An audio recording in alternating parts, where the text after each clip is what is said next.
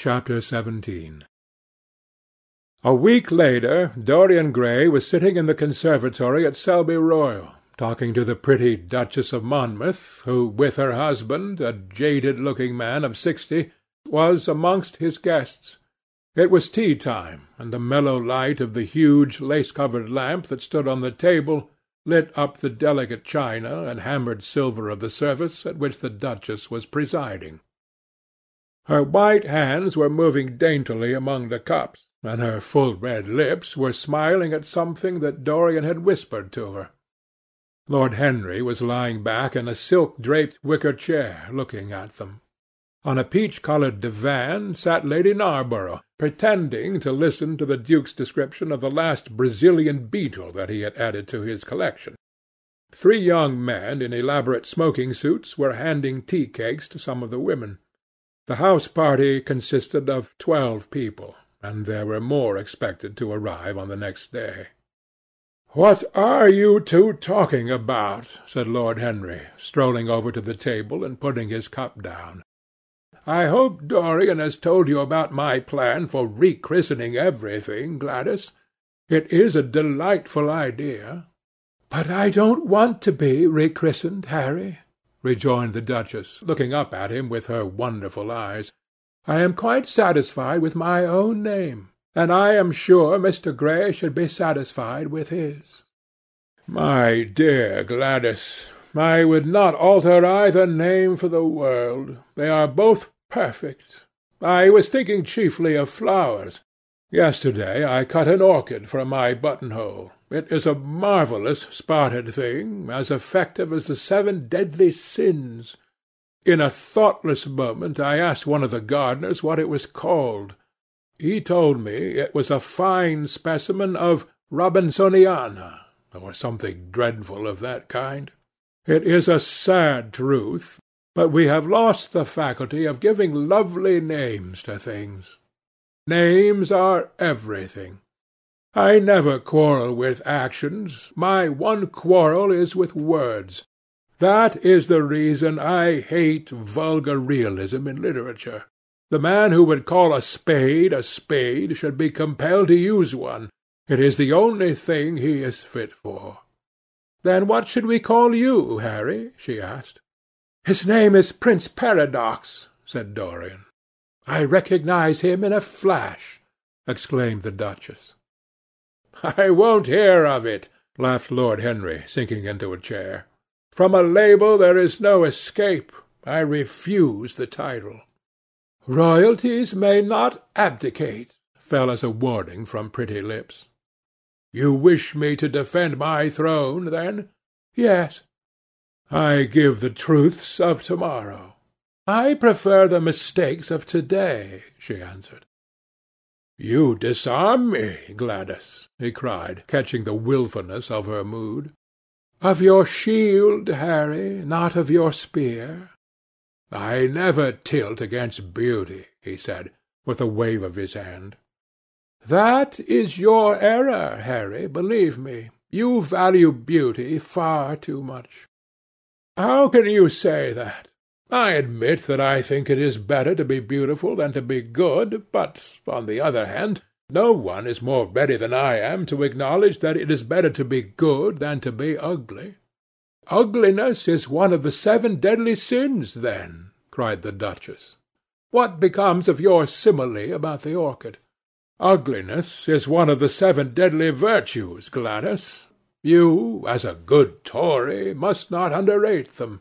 Beer, the Bible, and the seven deadly virtues have made our England what she is." "You don't like your country, then?" she asked. "I live in it." "That you may censure it the better." "Would you have me take the verdict of Europe on it?" he inquired. "What do they say of us?" "That Tartuffe has emigrated to England and opened a shop. Is that yours, Harry? I give it to you." "I could not use it. It is too true." "You need not be afraid. Our countrymen never recognize a description." "They are practical." "They are more cunning than practical. When they make up their ledger, they balance stupidity by wealth and vice by hypocrisy. Still, we have done great things. Great things have been thrust upon us, Gladys. We have carried their burden, only as far as the Stock Exchange. She shook her head. I believe in the race, she cried. It represents the survival of the pushing. It has development. Decay fascinates me more. What of art? she asked. It is a malady. Love, an illusion. Religion, the fashionable substitute for belief. You are a sceptic. Never. Scepticism is the beginning of faith. What are you? To define is to limit. Give me a clue. Threads snap. You would lose your way in the labyrinth. You bewilder me. Let us talk of some one else. Our host is a delightful topic. Years ago he was christened Prince Charming. Ah, don't remind me of that, cried Dorian Gray. Our host is rather horrid this evening, answered the Duchess, colouring. I believe he thinks that Monmouth married me on purely scientific principles, as the best specimen he could find of a modern butterfly. Well, I hope he won't stick pins into you, Duchess, laughed Dorian. Oh, my maid does that already, Mr. Gray, when she is annoyed with me. And what does she get annoyed with you about, Duchess? For the most trivial things, Mr. Gray, I assure you. Usually because I come in at ten minutes to nine and tell her that I must be dressed by half-past eight. How unreasonable of her! You should give her warning. I daren't, Mr. Gray. Why, she invents hats for me. You remember the one I wore at Lady Hilstone's garden party? You don't, but it is nice of you to pretend that you do. Well, she made it out of nothing. All good hats are made out of nothing. Like all good reputations, Gladys, interrupted Lord Henry. Every effect that one produces gives one an enemy. To be popular, one must be a mediocrity. Not with women, said the Duchess, shaking her head, and women rule the world. I assure you we can't bear mediocrities. We women, as some one says, Love with our ears, just as you men love with your eyes, if you ever love at all. It seems to me that we never do anything else, murmured Dorian. Ah, then you never really love, Mr. Gray, answered the Duchess with mock sadness. My dear Gladys, cried Lord Henry, how can you say that? Romance lives by repetition, and repetition converts an appetite into an art. Besides, each time that one loves is the only time one has ever loved. Difference of object does not alter singleness of passion. It merely intensifies it. We can have in life but one great experience at best, and the secret of life is to reproduce that experience as often as possible. "Even one who has been wounded by it, Harry?" asked the Duchess after a pause. "Especially when one has been wounded by it," answered Lord Henry. The Duchess turned and looked at Dorian Gray with a curious expression in her eyes. "What do you say to that, Mr. Gray?" she inquired. Dorian hesitated for a moment. Then he threw his head back and laughed. "I always agree with Harry, Duchess even when he is wrong? Harry is never wrong, Duchess. And does his philosophy make you happy? I have never searched for happiness. Who wants happiness? I have searched for pleasure. And found it, Mr. Gray? Often. Too often. The Duchess sighed. I am searching for peace, she said and if I don't go and dress, I shall have none this evening. Let me get you some orchids, Duchess, cried Dorian, starting to his feet and walking down the conservatory. You are flirting disgracefully with him, said Lord Henry to his cousin. You had better take care. He is very fascinating. If he were not, there would be no battle.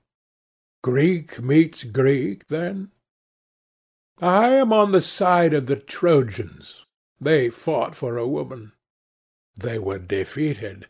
There are worse things than capture, she answered. You gallop with a loose rein. Pace gives life, was the riposte. I shall write it in my diary to-night. What? That a burnt child loves the fire. I am not even singed. My wings are untouched. You use them for everything except flight. Courage has passed from men to women. It is a new experience for us. You have a rival. Who? He laughed. Lady Narborough, he whispered. She perfectly adores him. You fill me with apprehension. The appeal to antiquity is fatal to us who are romanticists. Romanticists! You have all the methods of science. Men have educated us, but not explained you. Describe us as a sex, was her challenge. Sphinxes without secrets. She looked at him, smiling. How long Mr. Gray is, she said. Let us go and help him. I have not yet told him the colour of my frock. Ah, you must suit your frock to his flowers, Gladys. That would be a premature surrender. Romantic art begins with its climax. I must keep an opportunity for retreat. In the Parthian manner? They found safety in the desert. I could not do that. Women are not always allowed a choice, he answered. But hardly had he finished the sentence before from the far end of the conservatory came a stifled groan, followed by the dull sound of a heavy fall. Everybody started up. The duchess stood motionless in horror, and with fear in his eyes Lord Henry rushed through the flapping palms to find Dorian Gray lying face downwards on the tiled floor in a death-like swoon. He was carried at once into the blue drawing-room and laid upon one of the sofas. After a short time he came to himself and looked round with a dazed expression. "What has happened?" he asked. "Oh, I remember. Am I safe here, Harry?" He began to tremble. "My dear Dorian," answered Lord Henry, "you merely fainted. That was all. You must have overtired yourself. You had better not come down to dinner. I will take your place." "No, I will come down," he said, struggling to his feet. I would rather come down. I must not be alone." He went to his room and dressed. There was a wild recklessness of gaiety in his manner as he sat at table, but now and then a thrill of terror ran through him when he remembered that, pressed against the window of the conservatory, like a white handkerchief, he had seen the face of James Vane watching him.